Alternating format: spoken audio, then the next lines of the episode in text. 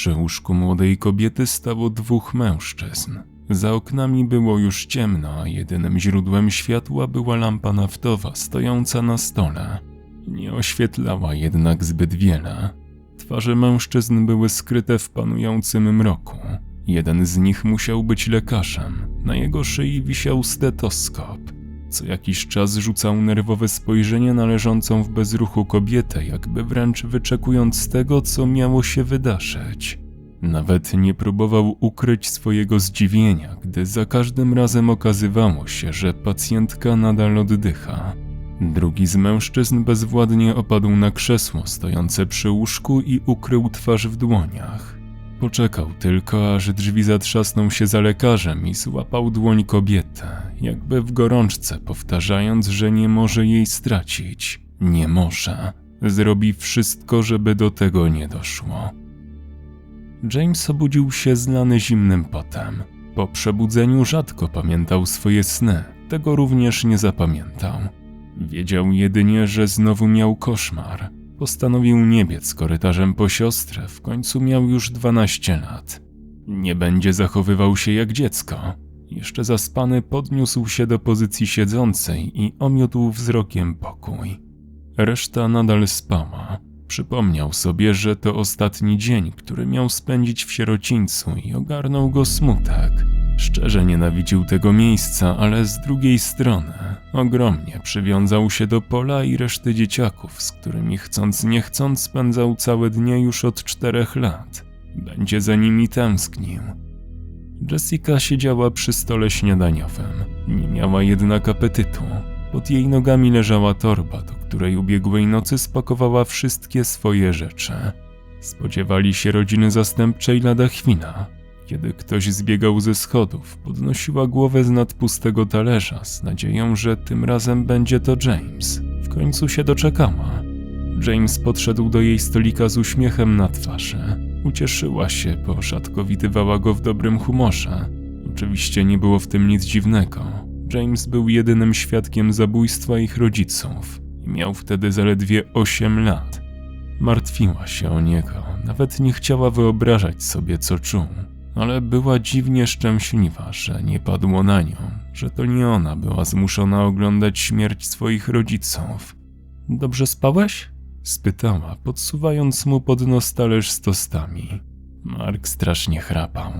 Rzucił wymijająco, po czym skupił się na jedzeniu. Wkładał do ust już ostatni kawałek, kiedy zza okna usłyszeli ryk samochodowego silnika. Spojrzeli w tamtą stronę. Czarny Mercedes z przyciemnianymi szybami parkował właśnie przed drzwiami wejściowymi. Młody, przystojny mężczyzna wysiadł z samochodu od strony kierowcy. Z szerokim uśmiechem obszedł pojazd i otworzył drzwi pasażerowi, zdejmując przy tym okulary przeciwsłoneczne. Ukłonił się teatralnie, odczekał aż niska, szczupła kobieta o ciemnobrązowych włosach wysiądzie. Objął ją w pasie i oboje ruszyli w stronę wejścia. Jessie spojrzała na brata i uśmiechnęła się. Wyglądają na miłych, stwierdziła. James jednak jej nie słuchał. Nie mógł oprzeć się wrażeniu, że gdzieś już ich widział. Podczas podróży nie rozmawiali prawie wcale. Padło kilka podstawowych pytań o hobby, zainteresowania i gusta kulinarne. O Wilsonach dowiedzieli się tyle, że często się przeprowadzają i nie mogli mieć własnych dzieci. Minęła niecała godzina, kiedy zatrzymali się pod dużym, ładnym domem. Michael wyjął ich torby z bagażnika i wspiął się po schodach prowadzących do drzwi wejściowych. Reszta podążyła za nim. Znaleźli się w dużym, jasnym holu. Na ścianach wisiały repliki obrazów takich artystów jak Gustav Moreau czy Arnold Becklin. Na wprost nich znajdowały się marmurowe schody, po ich lewej salon, na prawo zaś kuchnia, z której dało się wyczuć silną woń pieczonego indyka. Jessie poczuła nagle, że jest głodna i żałowała, że nie zjadła nic na śniadanie. Sypialnie są na górze, wasze na końcu prawego korytarza. Z salonu można przejść do pokoju muzycznego. Mamy fortepian, parę gitar, skrzypce, oczywiście wszystko do waszej dyspozycji. Mówił Michael, uśmiechając się przy tym serdecznie. Nagle jednak spoważniał. Pod żadnym pozorem nie wolno wam wchodzić na strych, nie zdążyliśmy z jego remontem. Kończąc swój monolog, zaproponował jeszcze, że ich oprowadzi. Elizabeth nie zgodziła się, jednak twierdząc, że najpierw powinni coś zjeść, a na zapoznanie się z rozkładem pomieszczeń będzie jeszcze czas. Udali się więc do kuchni. Stół był już nakryty. Elizabeth postawiła przed nimi najpierw miskę z ziemniakami, później dwie z różnymi sałatkami, a na końcu indyka. James złożył ręce do modlitwy, a Jessie miała już zrobić to samo, kiedy spostrzegła, że Michael i Elizabeth wymieniają między sobą przerażone spojrzenia. Widząc, że brat tego nie dostrzegł, szturchnęła jego ramię. W tym domu nie modlimy się przed jedzeniem, powiedział ostro Michael.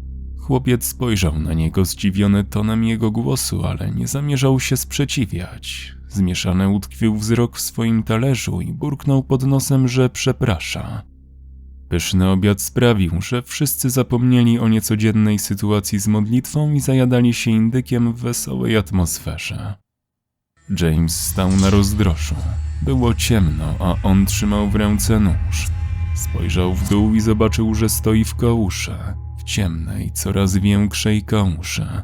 Uniósł ostrze na wysokość swoich oczu i zauważył, że kapie z niego krew. Spojrzał na swoje nogi i ręce. Rozcięcie na lewej dłoni krwawiło okropnie i dopiero teraz uświadomił sobie, że stał w kałuży własnej krwi, ale chwileczkę, to przecież nie była jego krew. To nie była jego dłoń. Nie miał czasu dłużej się nad tym zastanawiać, bo na pustej do tej pory drodze pojawił się znikąd mężczyzna. Miał czarne jak smoła włosy.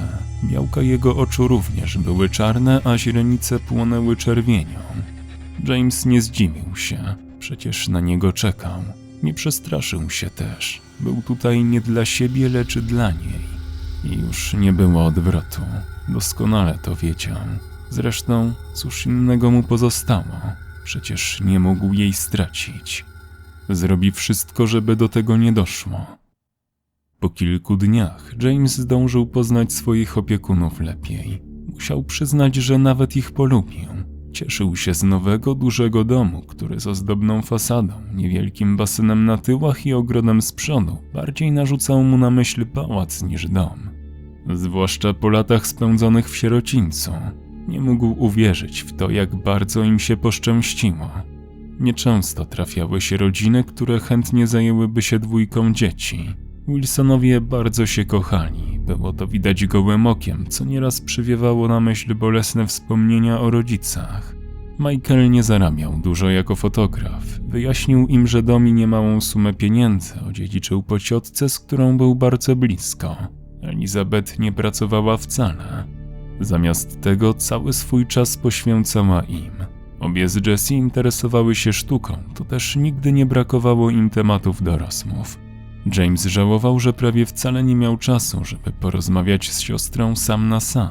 Zwłaszcza, że koszmary senne nadal mu dokuczały, a wierzył głęboko w to, że Jessie jest jedyną osobą, z którą może się tym podzielić. Czasami zastanawiał się, kiedy oboje znudzą się ich towarzystwem i w końcu zajmą się sobą. Końcu się doczekał. Minął tydzień, odkąd zamieszkali z Wilsonami. W niedzielę Elizabeth wstała dużo wcześniej niż zazwyczaj. Kiedy James razem z Jessie zeszli do kuchni, czekały już na nich naleśniki. Elizabeth zapamiętała, że jest to jedno z jego ulubionych dań. Powiedziała im też, że muszą z mężem załatwić kilka spraw na mieście i będą musieli zostać sami. James, niezmiernie zadowolony z takiego obrotu spraw, nie mógł się doczekać, aż wyjdą. Po południu Wilsonowie w końcu się z nimi pożegnali. Mieli wrócić dopiero wieczorem. Postanowili, że spędzą resztę dnia w ogrodzie. Przygotowali kanapki, napoje i rozłożyli koc, jak najdalej od grządek z kwiatami.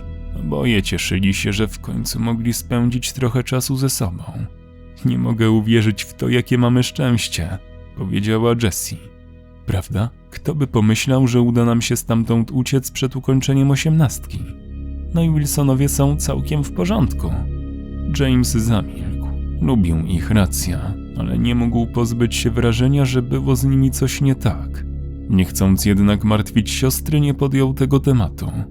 Widziałeś to? spytała nagle Jessie, wpatrując się w najwyżej osadzone okno. James spojrzał w tamtą stronę. Jakby jakiś cień. Dziewczyna zerwała się nagle na równe nogi. Znowu. Pewnie ci się coś przywidziało. Chodź, trzeba to sprawdzić. Może ktoś się włamał. To może lepiej wezwać policję? Zaproponował niepewnie James. Jessie już go jednak nie słuchała. Szybkim krokiem zmierzała w kierunku domu. Nie pozostało mu nic innego, jak iść za nią.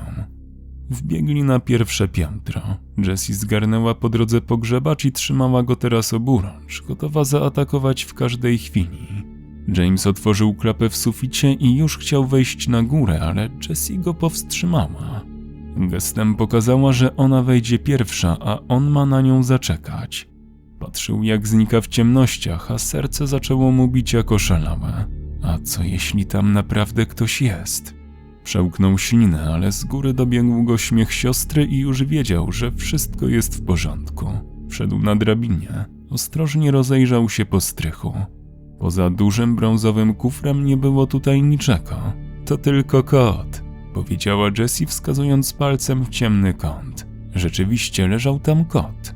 Wpatrywał się w nich przenikliwymi zielonymi oczami. Ależ nam stracha napędziłeś, powiedział James. Chyba pierwszy raz w życiu widzę strych, które nie jest zagracone. Jessie podeszła do kufra i z niemałym wysiłkiem otworzyła go. James podszedł do niej i zajrzał przez jej ramię do środka. W kufrze leżało parę długich, białych świec i dwie książki. Jessie podniosła pierwszą z nich, zdmuchnęła kurz z czarnej okładki i otworzyła na pierwszej lepszej stronie. Okazało się, że trzyma w ręce album ze zdjęciami. Nie zdążyła przyjrzeć się fotografii, bo za ich plecami rozległ się głos Elizabeth. Tutaj jesteście. Starając się ukryć przerażenie, spojrzała za nich na otwarty kufer.